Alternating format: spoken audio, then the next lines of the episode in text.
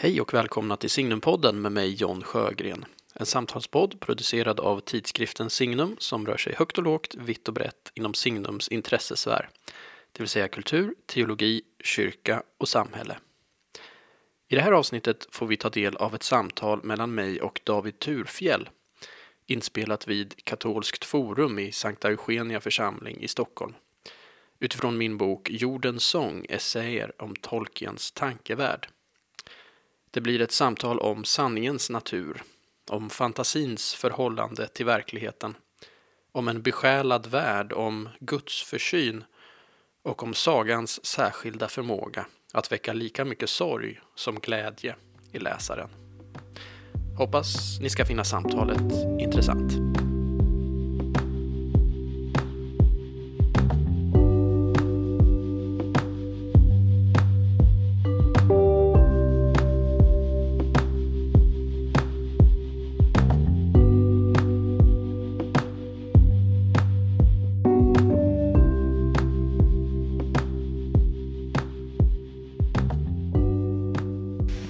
Tänkte vi vi ska lägga upp det här samtalet så här att vi börjar med att säga någonting om våra respektive första möten med Tolkien och Sagan om ringen. Och eh, först därefter går vi in i själva boken och vi kommer inte diskutera i detalj det som står för att alla vill ju läsa eller har redan läst utan vi diskuterar utifrån olika teman som väcks i den här boken. Men John, vill du börja berätta om din, ditt första möte med Sagan om ringen? Jo, men det var, jag, jag tror jag läste Tolkien första gången i 10-11 års åldern. Eh, och det verkar vara ganska vanligt, många som jag pratar med är ofta i den åldern. Uh, och det började, jag läste först Bilbo, det var den här gröna utgåvan, eh, uh, Ritke Hallqvists översättning. Uh, och sen efter det då kom jag in i, i trilogin och det jag egentligen främst minns från mitt första möte var egentligen, alltså jag minns ju att jag läste, blev otroligt, tagen av det. Men vi var tre kompisar som läste liksom samtidigt. Eh, och mitt starkaste minne från den här tiden, det är egentligen inte själva läsupplevelsen, utan hur vi gick ut efter vi hade läst och lekte Tolkien. Eh, och jag växte upp i en eh, Stureforsen, en liten villa-idyll utanför Linköping. Och eh, det var liksom inget svårt för oss att förvandla de här liksom gräsplätterna där till döda träsken. En liten skogsdunge kunde bli gamla skogen. Eh, och vi gjorde sådana här listor, kommer jag ihåg, på alla våra klasskamrater som då blev liksom olika karaktärer. Så de vi tyckte mindre om var liksom onda karaktärer och, och den här eh, tjejen vi kanske var lite förälskade i blev liksom Galadriel. Eh, men det jag minns väldigt starkt från det där var, och som jag har burit med mig sedan dess och reflekterat över sedan dess också, var att när vi lekte sådär och förvandlade vår liksom, villaidyllen där till, till Tolkiens värld så kändes det inte som att vi eh, gjorde våld på verkligheten utan att vi trängde djupare in i verkligheten. Och det där har jag burit med mig sedan dess eh, och funderat kring vad var det där för någonting? Vad betyder den där känslan? Ja. Och hela tiden när jag sen har återvänt då till Tolkien, jag har liksom ständigt återvänt till dem för det var min stora första här, riktigt drabbande läsupplevelse. Så, så är alltid den känslan också som, som växer i mig att det här är någonting verkligt. Och på ett sätt kan man säga att den här boken är ett sätt att försöka förstå det där. Vad, vad menar jag med det? Eller vad betyder den där känslan att det kändes så verkligt? Eh, Vi återkommer till den här Ja. centrala eh, tematiken. Eh, Berätta om jag ska bara säga att min, min, eh, min första möte, alltså jag har en i det närmaste identisk eh, upplevelse. Jag fick höra talas om den här boken när jag var 11 år. Jag, jag minns hur jag bara... Jag, jag har liksom inte stött på... Nu är ju helt världen är fylld av sagor och fantasy-grejer. Liksom helt övermättad med den här typen av motiv. Men det var inte det riktigt på 80-talet när jag växte upp. Så att när jag hör talas om det, jag förstår att det här är någonting som berör mig oerhört Eh, djupt. Liksom. Och sen så började jag läsa, jag var 10-11 år, det tog jättelång tid för mig att läsa. Liksom. Jag bara fattade inte riktigt, men jag förstod bara att det här är någonting djupt berörande. Och det var inte bara berörande som en fantastisk äventyrsbok, utan det kom åt någonting någonting djupare. Jag, jag upplevde det verkligen så. Och sen var det faktiskt så att när jag eh, konfirmerades i Svenska kyrkan när jag var 14 eller vad det är. Det mest bestående intrycket från det läget, inte bara liksom minnesmässigt utan kanske rent så här andligt eller säga.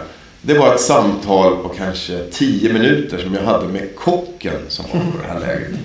För att det var en, en ganska speciell man, en säregen from man med lite ålderdomlig frisyr och ålderdomliga kläder. Och som vi förstod var en Tolkien-fantast. Han var vuxen. Liksom. Han var Tolkien-fantast. Och någon gång smög jag mig in där bakom eh, i köket när han höll på att laga maten där till alla konfirmander. Och så pratade vi lite om det här. Och eh, det var som att han på något vis bekräftade det. Här var en vuxen, han var from och så här. En vuxen from man som bekräftade att det är någonting med den här boken som är, det är mer än bara en bok. Liksom. Det, det är någonting. Och eh, jag har i mitt liv, det här skäms nästan för att säga det, men alltså jag har läst Sagan om ringen och Silmarillion lika mycket som Kanske inte all annan litteratur jag har läst. Alltså. Men jag har typ nästan varannan bok jag har läst. Eller så var det i varje fall i, i kanske 10-15 år. Men visst är du också, för det, jag har för mig att du har berättat det för mig vid ett annat tillfälle, att du är också en sån här, som, det finns många sådana som läser om dem en gång per år. Ja, jo, precis. Jag läste ja, nästan oftare. Och det är alltid samma ställe. För att jag, det bruk, så här var det, och internet har ju förstört det här lite och smartphone och sådär. Men förut var det så här, man var uttråkad. Och så bara, äh, men jag läser lite i förordet. Mm. Och då, finns, då kommer man alltid ett ställe i förordet där det står så här. Men på senare tid hade mörka gestalter synts smyga i skogsbrynet. Eller något sånt. Och då är det någonting som man sen läser hela trilogin. Så att det här är ju eh, någonting som vi delar. Och jag har alltid tänkt att jag är lite så här ensam om det här. Det här är min egen upplevelse. Men nu märker jag att det är väldigt, det är väldigt vanligt. Alltså, i... Eh, Eh, bland kanske 60, 70, 80-talister att man har varit med om det här. Mm. Och den här boken har gjordes så. Essäer om Tolkiens tankevärld. Ehm, eh, den, som jag läser den här, jag kände det här, jag visste det liksom, tänkte jag när den här kom. Att man kan skriva så här om de här böckerna. Eh, alltså för det här är nästan som en, jag läser det här nästan som en predikan. Liksom. En, en eh, en, eh, en predikant tar en bibeltext och sen lägger ut den med hjälp av sina egna associationer, filosofiska begrepp. Hur kan det här fungera i vårt liv? Och du har liksom gjort Eh, en sån typ av utläggning då kan man säga. En, eh, en homiletisk utläggning av framförallt Sagan om ringen och, och även Silmarillion. Hur ser du på den beskrivningen? Ja, men det, det Jo, men jag tycker den är fin. Jag tror den stämmer. Det där är någonting som eh, jag inte kommer ifrån, tror jag. Det, jag är frikyrkobarn från början. Jag är uppväxt i, i frikyrkomiljö och min eh, farfar var, var pingstpastor. Så jag har det här liksom predikande i, i blodet på något sätt. Jag märker det när jag skriver. Nästan allt jag skriver har en liten predikoton. Eh, så att jag kommer liksom inte ifrån det där. Eh, men visst är det så. Det är ju texter som jag har levt med, alltså Tolkiens böcker. Som ja, men har betytt väldigt mycket för mig. Och uh, har format också mitt sätt att se på världen. Så att, så att det blir, på ett sätt är det en sammanfattning också av liksom, uh, min egen syn på världen. Alltså det var en, en idé när jag liksom skulle göra den här boken var eh, från början så här, men jag skulle vilja sammanfatta någonting liksom så här. Eh, jag är 40 år, jag är lite mitten i livet. Så jag vill sammanfatta vad jag tror mig veta om verkligheten. Och så här, och så här, men nej, det blir för stort. Det kan jag inte göra. Så insåg jag att men allt som jag liksom tror mig veta om hur verkligheten är beskaffad. Det finns just Tolkien. Det är klart att jag ska skriva Tolkien-bok.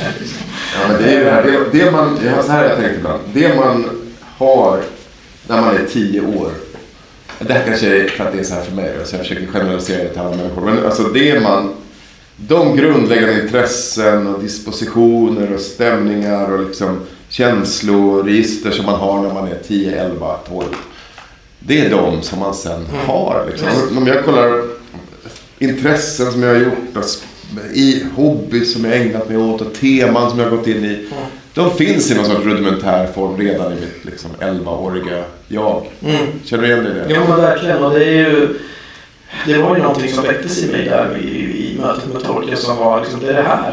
Det är det här som är, jag måste man säga, verkligheten. Det här är liksom det jag är intresserad av. Det är det här som jag tror någon mening verkligheten är funtad på. Det säkert. Jag kunde inte formulera det då som en åring att det var det jag upplevde. Att, ja, alltså, det här är en adekvat verklighetsbeskrivning. Men ska vi, ska vi börja där då? För att det är ju någonting. Det här har jag hört dig säga eh, vid tidigare tillfällen. Och det kan framstå som en li... Jag är inte helt säker att jag förstår vad du menar. Kan, kan, du, kan du bena ut det här? På vilket sätt är det här? Du säger alltså, du läser de här texterna. Men du förstår dem inte som en saga utan som en ingång i, Ja. till sanningen och verkligheten. Vad, vad betyder det egentligen? Ja, men I boken utgår jag ju från mycket från Tolkiens egna reflektioner kring det och en, en essä han skrev som från början var ett föredrag han höll eh, som heter Om Fairy Stories, om sagor. Finns på svenska i Träd och blad heter den. Just det, ja, precis. Eh, och eh, där fick jag det bekräftat på något sätt. För att där, där menar ju, argumenterar han ju just för att det är det som är mytens och sagans funktion. Alltså att den är, han, han Alltså vi tänker på sagor som eskapism, liksom, att det är en annan värld, skildrar en annan värld, liksom en flykt från verkligheten.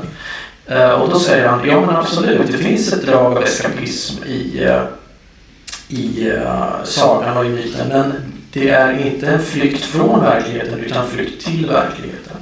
Och det jag gör i den första essän, i det första kapitlet, är att försöka sätta in det i sin liksom, historiska kontext på något sätt. Att vart var tolken när han skrev det här?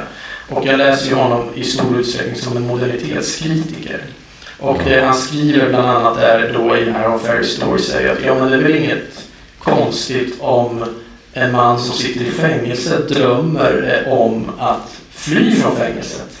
Eh, och han talar då om eh, materialismens fängelse. Den liksom moderna materialismens fängelse som har eh, liksom kapat banden till det transcendenta. Det är liksom ett fängelse utan fönster ut mot liksom något större. Men- det, då menar myten och sagan på något sätt öppnar upp det där och blir en flykt till någonting. Är det, här en sorts, är det en sorts platonsk eh, verklighetsförståelse som du menar? Det är det du menar med sanning? Någon sorts idévärldarnas sanning? Eller vad, vad menar du? Ja, absolut. Det finns ju mycket eh, faktiskt eh, platonskt tankegods hos Tolkien. Eh, så det är det ju absolut att det finns en högre sanning, en liksom transcendent sanning. Och man måste ju förstå honom såklart som han var ju en djupt troende kristen människa, en djupt troende katolik. Och eh, det är ju liksom den, vad, vad han menar att liksom har skett i, i det liksom moderna är ju att eh, ja, helt enkelt banden till det transcendenta har kapats av och att också det har liksom, världen har på något sätt dränerats på mening. Eh, och då, det finns liksom, ja, Max Weber pratar om järnburen men han, Tolkien pratar då snarare om, om ett fängelse. Eh, som, som, den, som man säger, den rena materialiteten har, har Ja. byggt kring oss. Men, eh, och varför vill du säga att det är sant? Det, för, för mig skulle det vara mer kanske begripligt om du sa så att jag upplevde att det här var djupt meningsfullt. Eller det, det skulle eh, kanske stämma bättre överens med min eh, egen erfarenhet. Att de här berättelserna, stämningarna som man går in i, det är liksom det är fantasier på ett sätt men det är också djupt meningsfullt och berörande och viktigt. Och jag vill befinna mig i det här. Jag vill liksom öppna mitt liv mot de här stämningarna. Någonting sånt. Eh, men, eh, och då skulle man säga att det här är, okej, moderniteten eh, berövar världen på mening. Om, om vi, vi köper det påståendet då så länge. Eh, då är det väl kanske mening som det. Men varför vill du säga att det är eh, eh, Måste det vara sanning? För det är liksom, om man tänker i vårt eh, liksom, debattklimat så är ju sanning ofta kopplat till en annan kunskapsparadigm. Mm. Nämligen ett, eh, Det- det kan man säga att ett empiriskt eller... Ja, det, men det är också något som man kan säga sker i moderniteten eller som är ett annat sanningsbegrepp än låt säga det kristna sanningsbegreppet som jag tror Tolkien utgår ifrån och som är också mitt sanningsbegrepp.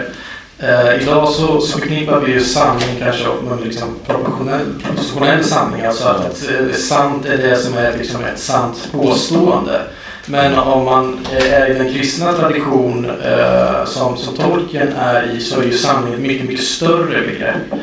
När Jesus säger jag är vägen, sanningen och livet, då menar ju inte Jesus att jag är liksom alla korrekta fakta om världen. Utan Jesus menar ju jag är sanningen med stort S. Sanningen är något mycket, mycket större än, än eh, vad, vad vi kanske förknippar med idag. Och sanningen är mer ja, i kristen tradition en, en person då.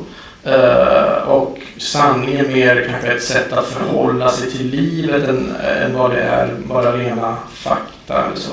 Så att, så att, och där kan det absolut finnas, det tror jag pekar på här, att det kan finnas just en viss förvirring. Va? Att, att det blir en begreppsförvirring när man pratar om sanning. Eh, ja, här sanningen med stort S. Så, så till vilken publik vänder du dig då när du säger att det här leder till sanningen. Det är inte då en, en liksom någon sorts mainstream svensk eh, eh, publik skolad i ja, men, eh, vetenskaplig empirisk förståelse av... Det finns ju en viss liksom, provokativ udd att göra det också. Att, att eh, det jag gör i den här boken är ju kanske inte att liksom, lägga ut eh, liksom, dra alla filosofiska trådar som finns i boken till, sin, till sitt absoluta slut så att säga, utan kanske mer Ungefär som jag upplevde att det var att läsa tolken. Att liksom, Okej, okay, jag upplever det som sant. Okej, okay, men vad är sanning då? Mm. Kan sanning vara någonting större än det här eh, liksom bara rent eh, proportionella sanningen eller fakta? Så kan, är det någonting annat och ta den liksom, upplevelsen på allvar? Det är väl det jag har gjort med den här boken och gjort i min tolkning och läsning. Ja. Och som jag tycker är om vi ska använda det andra ordet som du säger, meningsfullt att göra. Att, att ta det på allvar. För att det är så många som delar den här erfarenheten som vi har. Att det här är någonting eh, kan man ju diskutera vilka ord man ska använda. Om Man ska använda sant och meningsfullt. Men det här är någonting som säger någonting fundamentalt viktigt om, om verkligheten. Upplever du att, den där, att gå in i den här världen och leka tolken där och, och de här liksom eh, att, att, gå in i det här, att det på något vis är någonting som står i konflikt med att propositionellt eller ett eh, empiriskt eller vetenskapligt sannings eller verklighetsförståelse? Ja, alltså jag kan tycka att det var det som jag sa att det var inte att göra våld på verkligheten, vi tänker djupare in i verkligheten. Jag kan ofta känna att det, vi sätter verklighet och fantasi i någon slags motsatsförhållande till varandra. Och det där har jag aldrig förstått. Som om fantasin inte vore en del av verkligheten. Alltså fantasin är väl en del av den helhet som är, som är vår verklighet. Så att, så att jag har alltid haft svårt att se den eh, motsatsförhållandet. Liksom att det, skulle, det finns det här, är, det här är fantasi, det här är eskapism ja. och så finns det verkligheten. Ja, men det, det, ett sätt att äh, sätta fingret på den äh, liksom motsättningen är väl kanske säga att om man tänker den vetenskap, naturvetenskapliga, samhällsvetenskapliga liksom, metoden. Mm. Äh, det finns förstås olika, men lite, lite förenklat här då. Den utgår ju från en misstänksamhet mot den subjektiva erfarenheten. Att min, det jag tror, eller tycker mig uppleva om det här ljuset och det här bordet, det kan jag inte lita på. Utan man måste hitta metoder för att skapa omvägar runt den subjektiva erfarenheten. För den subjektiva erfarenheten då leder oss fel, menar man.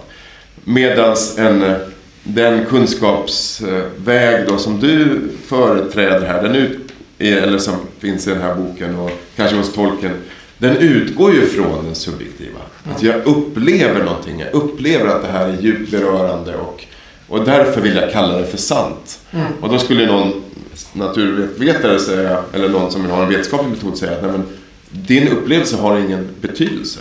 Mm. Så att här finns ju liksom en för vad som är sant. Och då har man ju olika sanningsbegrepp. Vilket eh, kanske, det kan ju bli en sorts kamp då liksom, om tolkningsföreträdet och sådär. Det kan ju också bli lite förvirrande.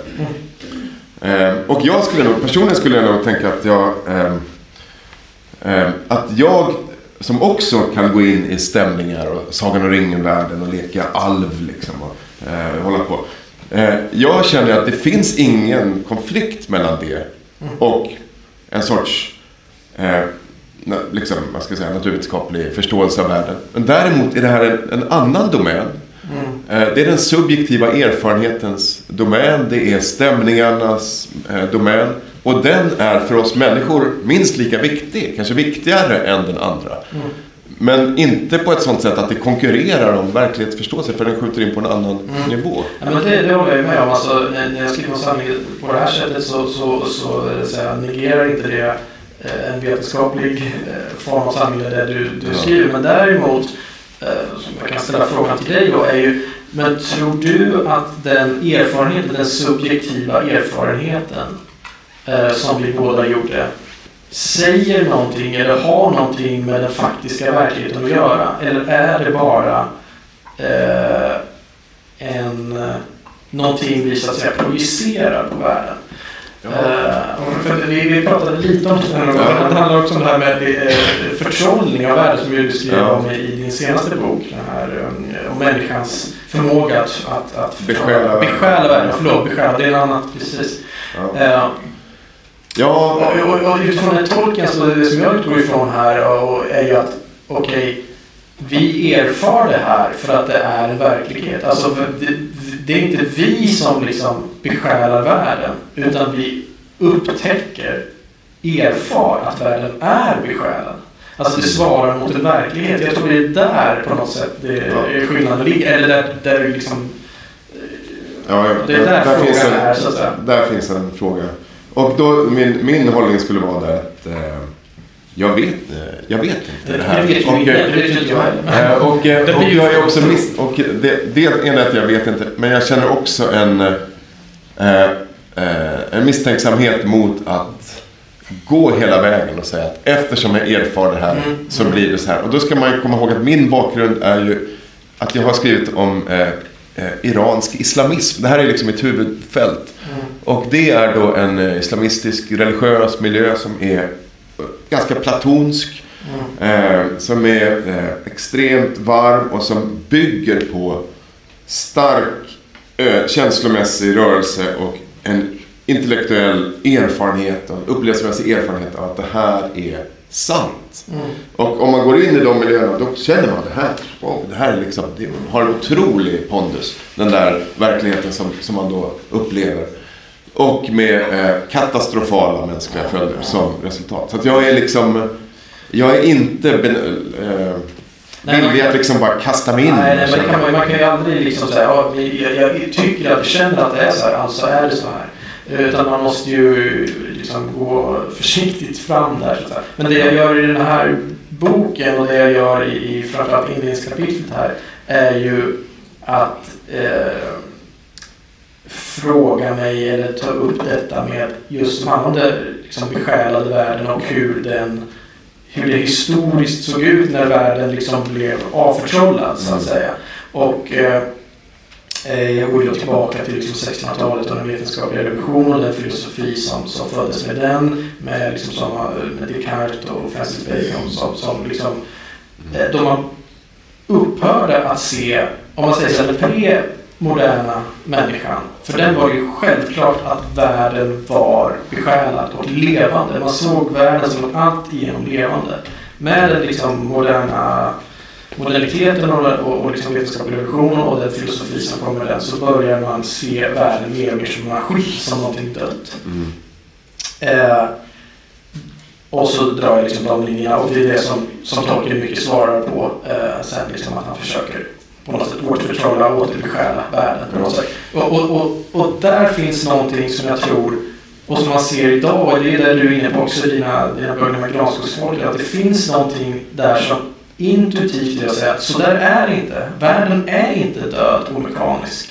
Utan vi upplever det ju faktiskt som att världen är besjälad och vid liv. Jag tänker på det, jag som har små barn som har fyraåringar hemma. Alla små barn är animister. Allting är besjälat. Eh, det är vår absolut mest liksom, intuitiva känsla för världen. Det är att den lever över liv och, och allt är besjälat. Och man kan nästan liksom, tala med den precis som, som liksom, träden talar i ett. Och då är det här, okej det är vår intuitiva subjektiva upplevelse. S- Säger inte det någonting om verkligheten? Uh, mm. Det är liksom min fråga Ja. som jag vill slänga ut här i den här boken. Eh, det kan man ju eh, fundera över. Men eh, det är klart, från ett... Eh, ehm, jag ska inte gå in på för mycket vetenskapsteori, men från ett evolutionsbiologiskt perspektiv så finns det ju ingen anledning att tro att vår subjektiva erfarenhet skulle vara en, en källa till hur universum fungerar utanför oss. Utan det har ju kommit till så för att det har varit ett sätt att uppleva världen som har gagnat vår överlevnad. Helt enkelt. Så då fungerar ju inte den metoden. Men däremot har vi den här logiken och vi har någon sorts kontakt med någonting som också har kontakt med verkligheten. Så det är komplicerat. Men eh, jag vill säga, eh, jag, vill, eh, jag vill dra ett steg eh, vidare från det där. Jag, jag vill bara säga på det där, att det är klart att den erfarenheten av världen som levande eller besjälad eller vacker eller förtrollad är någonting som vi människor har tillgång till. Oavsett om det är för att den är så eller för att vi projicerar någonting på den.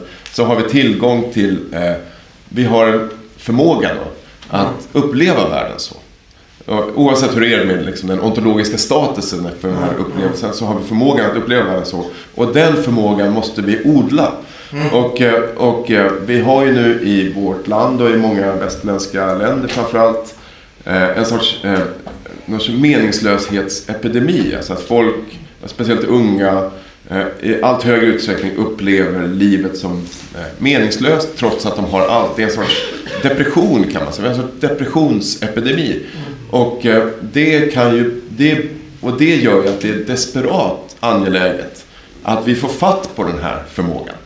Och det kanske vi kan göra på olika sätt och det är möjligt att vi kan få fatt på den utan att för den sakens skull ta med liksom en hel vetenskap, liksom en religiös världsbild eller det kanske, det kanske finns olika sätt. Men det är i varje fall ett väldigt angeläget Ja. uppdrag. Och, och, men jag tror ju att en, en alltså, aspekt av det är ju verkligen att du också inne på ett annat kapitel som handlar om äventyr. Där jag, där jag jämför liksom, Tolkiens hållning mot, mot Sartre till exempel. Som är, väl, liksom den som är tydligast med att okej, eh, livet har ingen objektiv mening. Tillvaron har ingen objektiv mening. Och, jag tror att det är en så otroligt stor skillnad, närmast kanske en avgrund mellan detta att uppfinna och upptäcka. En, en sån som Sartre säger ju så här, okej det finns ingen objektiv mening, det finns ingen given mening. Nu är det stora äventyret för livet att, att liksom uppfinna meningen, eller finna mening, skapa din egen mening. Mm. Tolkiens logik då som är grundad i mer liksom klassisk och kristen världsbild är ju, nej men meningen finns där och du ska upptäcka den. Och jag tror den här, liksom, när vi pratar om meningskrisen, har ytterst med det att göra. Att det är ett otroligt stort eh, liksom, ok att lägga på folk och säga att du måste uppfinna din mening för att i sig har tillvaron ingen mening. Men frågan är ju bara som är sant. Alltså om man drivs av sanningslidelse. Är det sannolikt att det verkligen, och det här är ju i de flesta liksom bekännelsereligioner så handlar det om att jag vet att det här är sant och nu bara kastar jag mig ut och jag bestämmer mig för att det här är sant. Eh, Objektivt utanför mig, att det finns på riktigt, att det är Jesus eller islam eller vad det nu kan vara för religion. Och det kan ju kanske vara så. Men det är också möjligt att det inte är så.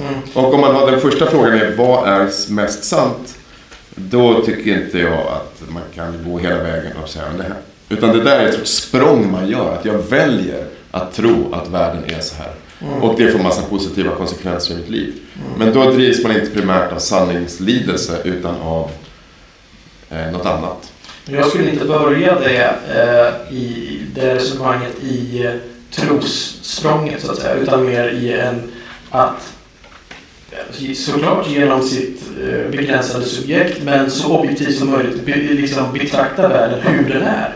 Den är eh, präglad utav struktur, av mönster, av allt det som vi eh, människor kallar för mening. Eh, logos skulle vi liksom säga i eh, mer då grekisk kristen kontext. Det är vad liksom, världen tycks vara präglad av. Ja. Eh, då är det inte då någonting som vi ska gå ut och upptäcka. Snarare någonting som vi måste så att säga, uppfinna. Det finns en, en hyperkritisk liksom... eh, eh, Jag vill, jag vill ta upp en annan fråga som är kopplad till sanning. Och det är eh, det här. Vad händer oavsett hur man står i den här liksom, sanningsfrågan? Eller, och det här kan gälla Sagan om ringen eller det kan gälla en religiös text eller vilken text som helst. Eh, eh, håll, upplever du som jag att det händer någonting med en text om man läser den som om den vore sann? mm. Det, eh, Alltså oavsett då, att man kan liksom gå in i det här, nu läser jag som om det här faktiskt säger någonting om verkligheten. Vad, vad händer då?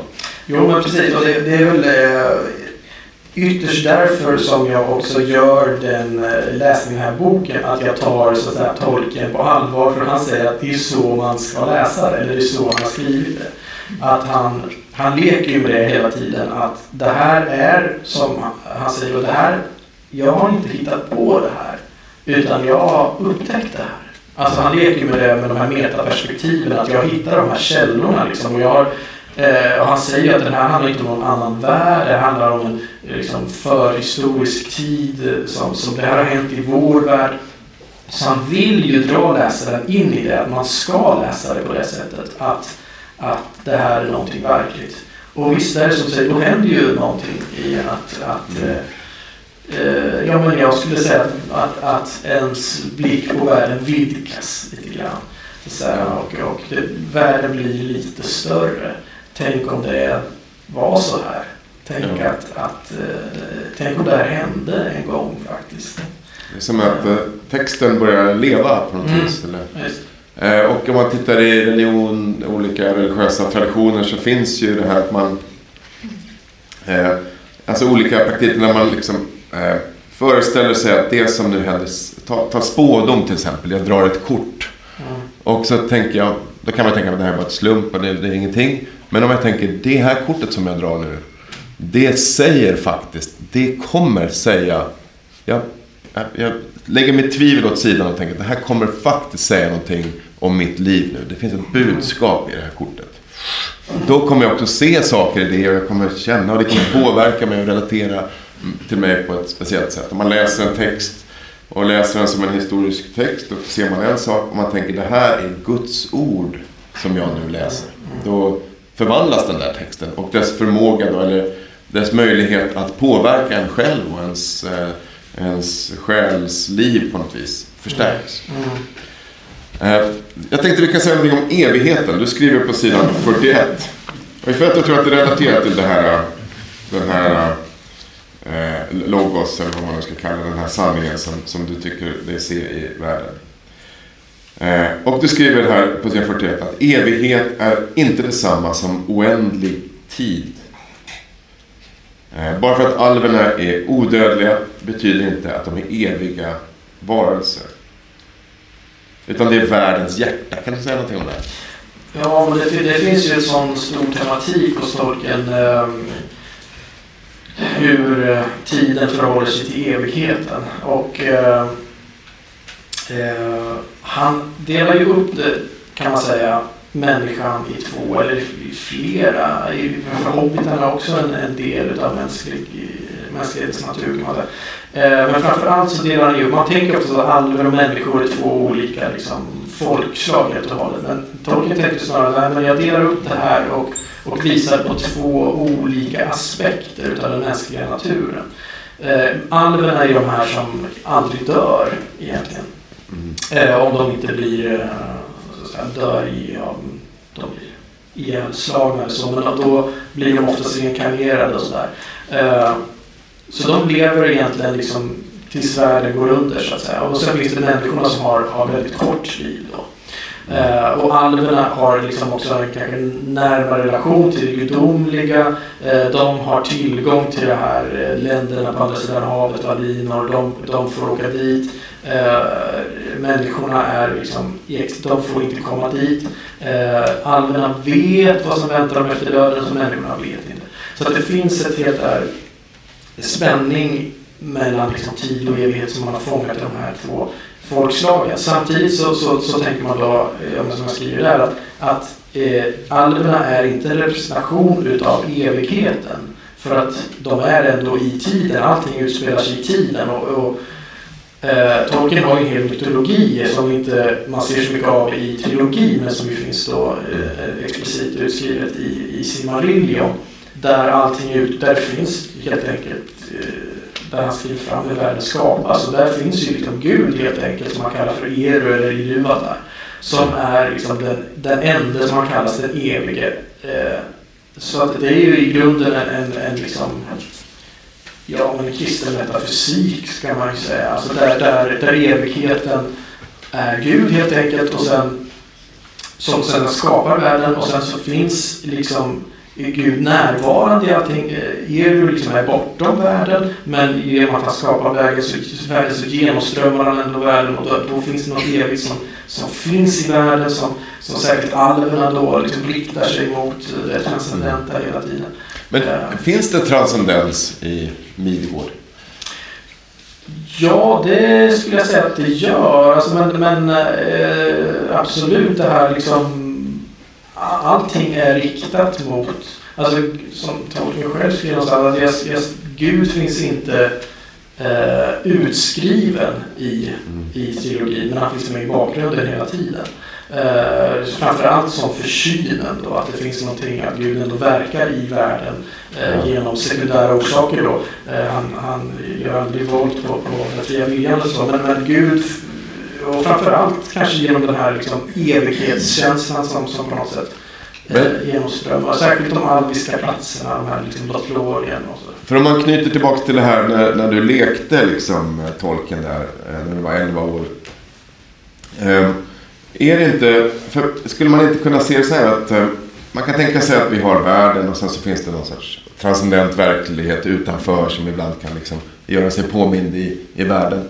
Men sen kan man tänka sig en sorts sagornas värld. Liksom, där, som är helt, alltså, den är helt genomsyrad av den här själfullheten. Mm. Som gör att det inte be, det behövs liksom inga gudar.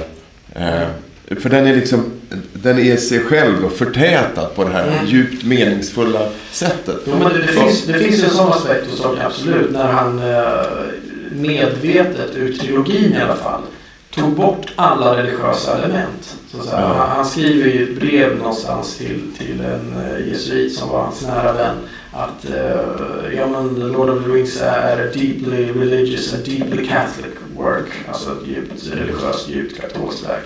Och så lägger han till, just därför har jag tagit bort all religion ur berättelsen. Uh, för att det ska vara inkorporerat i liksom själva symboliken. Det ska finnas där bara. Och på ett sätt är det också det du säger, alltså att hela världen är så genomströmmad utav gudomlig närvaro. Så hela världen, det behövs inga tempel i, i Tolkiens för att hela världen är ett tempel. Eh, hela, hela världen är liksom riktad i någon slags inom rätt riktning, så det behövs ingen religion. Och om man tänker på en sorts skala mellan liksom en död, depressiv, grå, slocknad värld och en levande värld, vad man ska mm. säga. Så eh, en värld som är fullt levande blir, är det det som den här sagovärlden skildrar på något vis. Det finns, det finns en buddhistisk eh, tanke att eh, när man börjar eh, en, eh, ett citat från Dogen som är en, en buddhistisk eh, mästare som säger så här att när man börjar sin andliga resa eller när man börjar sin meditationspraktik då är vattnen bara vatten och bergen är bara berg. Mm. Och sen så när man har mediterat ett tag då blir vattnet allt annat än vatten och bergen allt annat än berg. Totalt. Men sen när man är upplyst. Då är vattnet återigen bara vatten och bergen är bara berg. Men de är liksom berg. Alltså de är, vilka berg de är. Alltså. Mm. Så det är liksom det är samma berg, samma vatten. Men att det är som att det kan ske någon typ av förvandling när man ser mm. de här för vad de är. För, för berg och, mm. och vatten och folk som reser och hästar och mm. krig och vänskap och kärlek. Att liksom det är sam, precis samma sak men det lever liksom. Mm. Det, det, är ju precis det som, som Tolkien skriver om i Fairy Stories också. Där han menar att myten och sagan kanske framförallt ska ge oss, det finns där drag av eskapism, men det framförallt ska ge oss är recovery. Alltså återhämtning. Alltså att få en ny blick på världen. Alltså att, vi, eh, att det finns liksom träd som talar och rör sig. Det, det ska, han, han, han menar att det ska inte liksom väcka i oss det här, åh vad fantastiskt att det är träd som kan tala. Utan det är att vi ska se träden i vår, det här mm. trädet vi hastar förbi varje dag på väg till bussen på ett nytt sätt. Att vi ser det, just det här, det lever, det är något levande, det är något, liksom, så att och det är det jag menar också med liksom flykten till verkligheten. Det är att vi förhöjer det, fyller det med det här livet som vi kanske inte har och då ger det oss recovery, återhämtning och syn på, på världen, den värld vi lever i på nytt. Så att. Och det är väl också det som både du och jag upplevde i de här första mötena. Att liksom vi går ut i världen. Det är inte något annat. Vi förvandlar det inte utan vi blir bara mer närvarande. Vi blir mer förankrade i verkligheten. Är ja. djupare i den. Samma verklighet som alltid fanns. Och då, då kanske inte... Då kanske inte den här uh, tudelningen mellan sorts naturvetenskaplig världsbild och något platonskt. Uh, det, det kanske, det kanske tar, tar liksom bort fokus från det som det här handlar om. Eh, jag träffade en gång en, en kille, en fysiker. Ateistisk fysiker, men han hade haft någon sorts upplevelse som han ville prata om. Och då var det så här, han höll på med kosmologi och astronomi och, och sådana där saker. Och, eh, eh, så hade han, och det har han gjort alltid, han har en sekulär eh, ateistisk position och var liksom fortfarande det på något vis.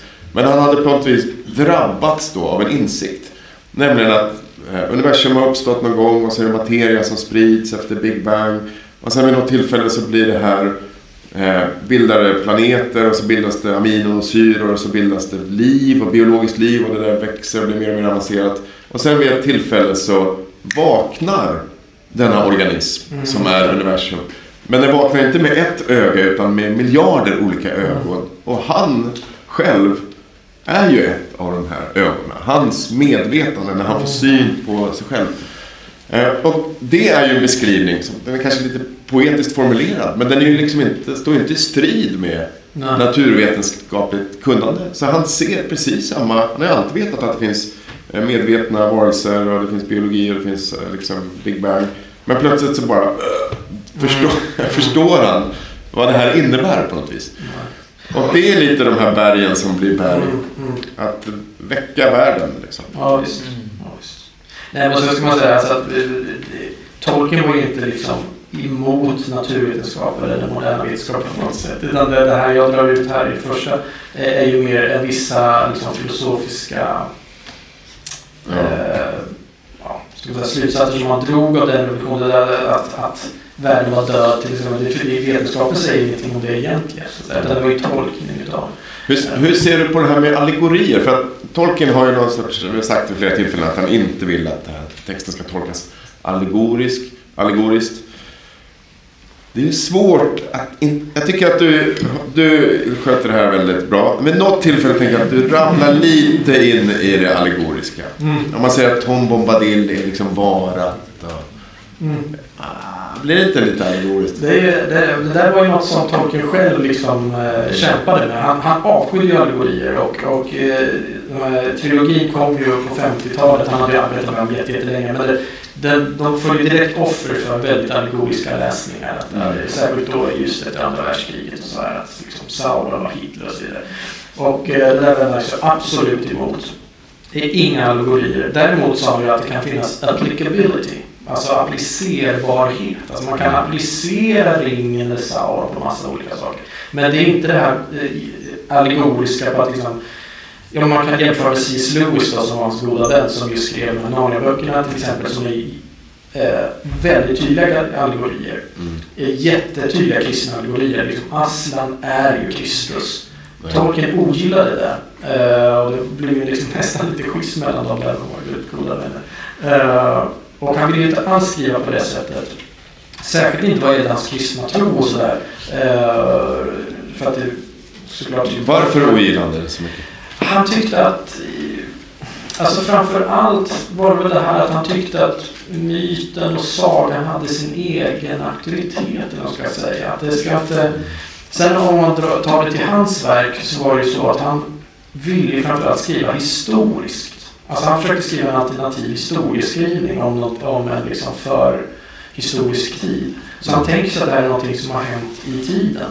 Då kan det inte, om då, då skulle det till exempel vara allt för allegoriskt, alludera på, på liksom det kristna skulle det vara liksom inkonsekvent och anakronistiskt. För att det har inte hänt än. Kristendomen finns inte än. Liksom. Det, som man säger, det är fortfarande Gud som har skapat den här världen jag skriver om. Det är fortfarande liksom den enda guden. Men det är, det är liksom årtusenden tills Kristus ska göra sin entré på världens scen. Så, så, att, så att han förhöll sig till det här om man till, till, till den kristna eh, tron då att, att det var mer som, som kristna kanske läser Gamla Testamentet, att det finns liksom saker som pekar framåt. Man kan ana liksom aspekter utav Kristus i Aragorn. Där finns Aragorn, liksom, Kristus konungen. I Gandalf kan man ana en, en, en, någonting utav Kristus profeten. Liksom. Och i Frodo kan man ana någonting som pekar emot Kristusprästen och så. Men det är inte de här liksom att någon av dem är Kristus eller någon är liksom, man kan översätta på olika sätt. Han tyckte att det var,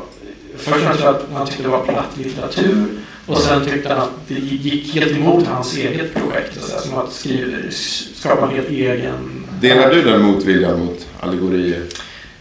Nej, jag gillar Narnia-böckerna. Alltså det beror ju på vad man skriver för kontrakt och läsaren. Alltså jag kan verkligen uppskatta dem. Men, det, men de är ju det blir någonting helt annat. Det som är så unikt med Tolkien är just att det är som en helt egen mytologi som, som är fristående. Där, där, ja, jag tycker han får det rätt när han säger det är inte allegori men det finns applicability. Eh, och så är det väl med all god litteratur egentligen. Att det finns liksom, man kan applicera det på väldigt mycket.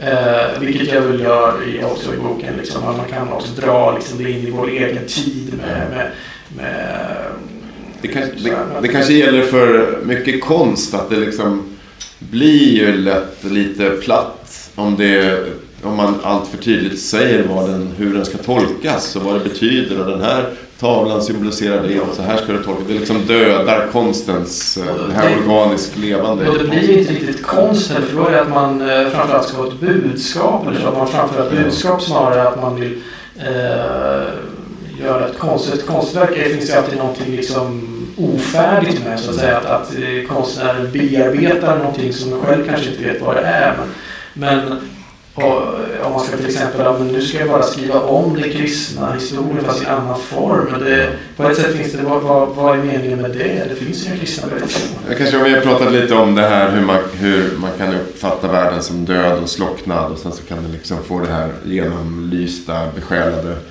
Um, och då kanske det här allegori, allegori kanske är hårt sagt, men eh, att vara för tydlig, att vara för artikulerad och liksom så här ska det tolkas. Det är kanske en del av utplattningen av världen. Det finns ju många, vi har ju många sätt att platta ut världen. Och eh, språk, språket är ju en klassisk eh, sån verktyg för att det är bra för att kommunicera men det kan också platta ut världen. Mm. Och allt för tydliga liksom, tolkningar kan också platta ut. Ett, ett klassiskt exempel med språk är att om man tänker upplevelsen av någonting, till exempel ett, ett träd eller någonting då, för att ta det som du har på framsidan. Då är ju ett träd är ju, en, eh, är ju någonting som är oerhört eh, mångfacetterad upplevelse. Mm. Det är ju dofter och ljud och stämningar och minnen och synintryck och, och känsla och allting. Eh, och sen så, så fort man hör ordet träd, eller så fort ett barn lär sig ordet träd, då kommer det associera detta, den här rika erfarenheten till en stiliserad bild av ett, av liksom ett, av ett enkelt träd. Så då kommer ordet handgripligen platta ut erfarenheten. Mm. Och, liksom, och därför är ju ofta religiösa traditioner fyllda av ett typ av språkbruk som inte plattar ut. Alltså som, är, som pekar åt olika håll, eller som är poetiskt eller musikaliskt eller, eller obegripligt på olika sätt.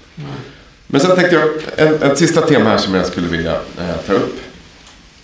Eh, och det här tycker jag är det finaste, som jag tar med mig som den finaste grejen från din bok. Det var många saker som jag tar med mig, men det här tyckte jag var eh, väldigt eh, fint. Och jag hade nog tänkt på det här kanske, eller jag hade kanske inte tänkt på det här, men det, det kändes väldigt sant när du beskrev det.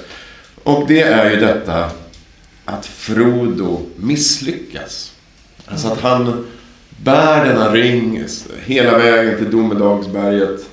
Och när han ska slutföra sitt uppdrag så eh, misslyckas han. Han mm. faller, han vill ta på sig ringen själv. Och eh, genom Gollum då så förstörs den här ringen. Och det innebär att när Frodo sen hyllas av alla, hela alla folken hyllar hans otroliga hjältemod han blir denna stora hjälte. Och han reser tillbaks, då är han inte en hjälte. Liksom. Han är, det är inte en hjältesaga utan han är en loser.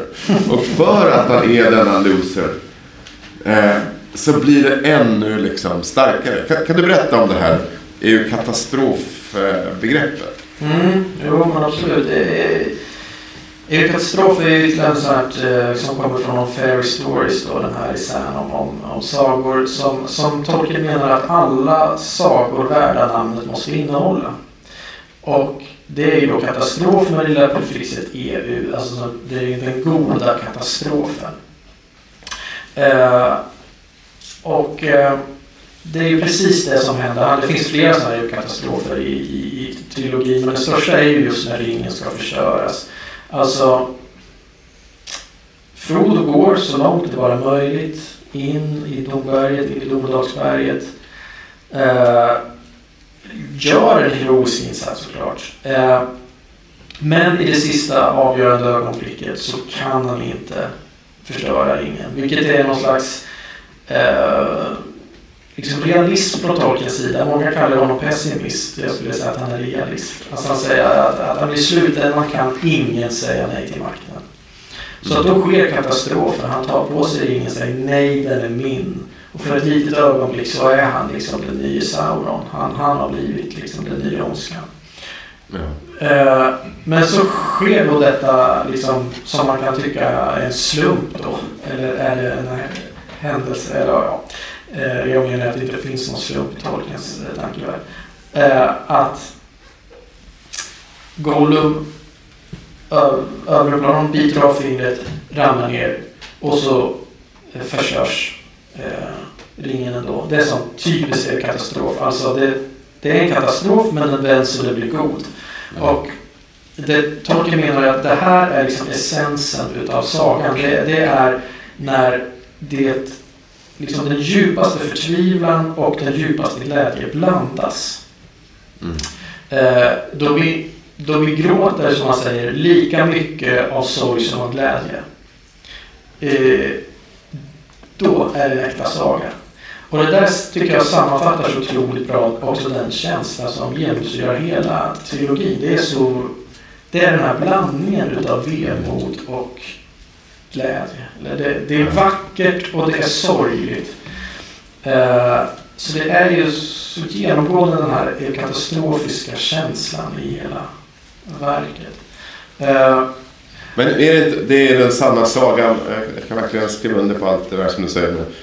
Men det är också ett oerhört kristet eh, motiv kan man säga. Ja, det är ju verkligen. Han, han, I den här On Fair Stories avslutar han med den här reflektionen kring You Catastrophe och så säger han Eh, det är alla sanna sagors liksom väsen och den allra största sagan av alla är evangeliet.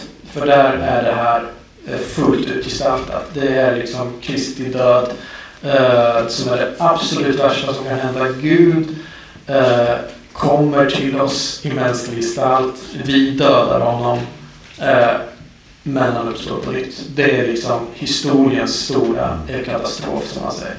Eh, och så har han ett resonemang också på varför det är liksom också liksom sanningen. Som man säger. Han, han, han, där vi började med sanningen, han säger att det är en liten skärva av sanningens ljus. Som man säger. För då bryter, det är just de här katastrofiska ögonblicken som, som liksom sanningen bryter in i världen och vi får en aning om hur, vad som är liksom verkligheten bakom verkligheten. Så Men också att hjälteidealet inte är, det kan man väl tänka alltså både eh, hos Aragorn och Boromir, kanske flera av de här.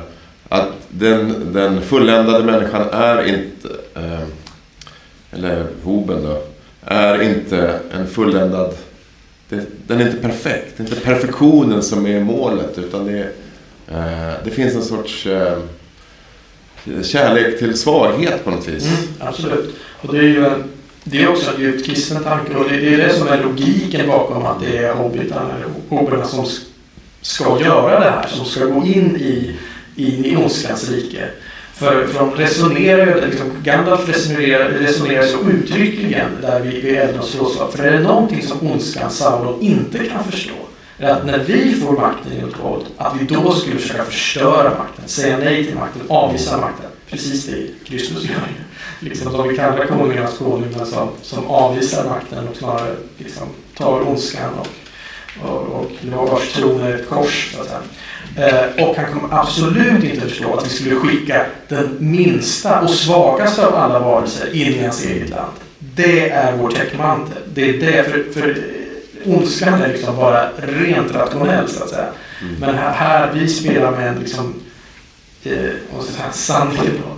Är, liksom, är, är någonting som, som ytterst så handlar det ju om kärlek ska man ju säga.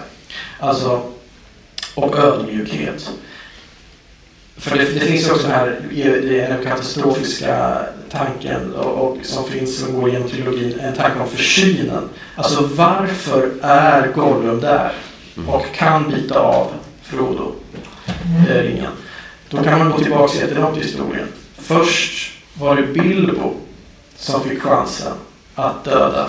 När, han, när, när Bilbo fick ringen för första gången liksom i, i The Hobbit så får han chansen att, att döda Gollum. Men någonting i honom säger nej, jag ska visa barmhärtighet.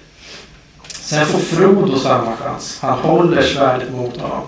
Men, och, och Frodo säger det till, till Gandalf också. Varför dödade Bilbo inte eh, Gollum? Nej, men du ska få se, säger Gandalf. Det, det, det, var, det var barmhärtighet och medlidande som han inte gjorde. Eh, och det kan visa sig vara viktigt. Sen får Frodo då samma chans. Han kan inte göra det till sist, precis innan ingången till, till eh, berget där, så får Sam till slut samma. Och, och som han avskyr gången. Och äntligen ska han liksom få skipa rättvisa. Men han drabbas av medlidande. Han kan inte döda honom. Så anledningen till att det här liksom, eh, katastrofen kan ske, det är att i flera led har människor visat, eller hobbitarna då, visat barmhärtighet och kärlek med det här liksom vedervärdiga kräket. Och det, liksom, det är en så bra bild tycker jag hur Tolkien tänker sig att Guds försyn eh, fungerar i världen. Det är när, vi, när, vi, när varelserna handlar i liksom enlighet med det som då Tolkien menar är, är världens eh, liksom, djupaste verklighet, kärlek. För det är också liksom den kristna grundtanken, Gud är kärlek. Då kan försynen verka på det här sättet. Och då gör det genom de här bristfälliga människorna. Men de kan också visa barmhärtighet och då kan det leda till den stora katastrofen. Eh, Okej, okay. Jordens sånger säger om tolkens tankevärld av John Sjögren. Tack för det här samtalet. Tack.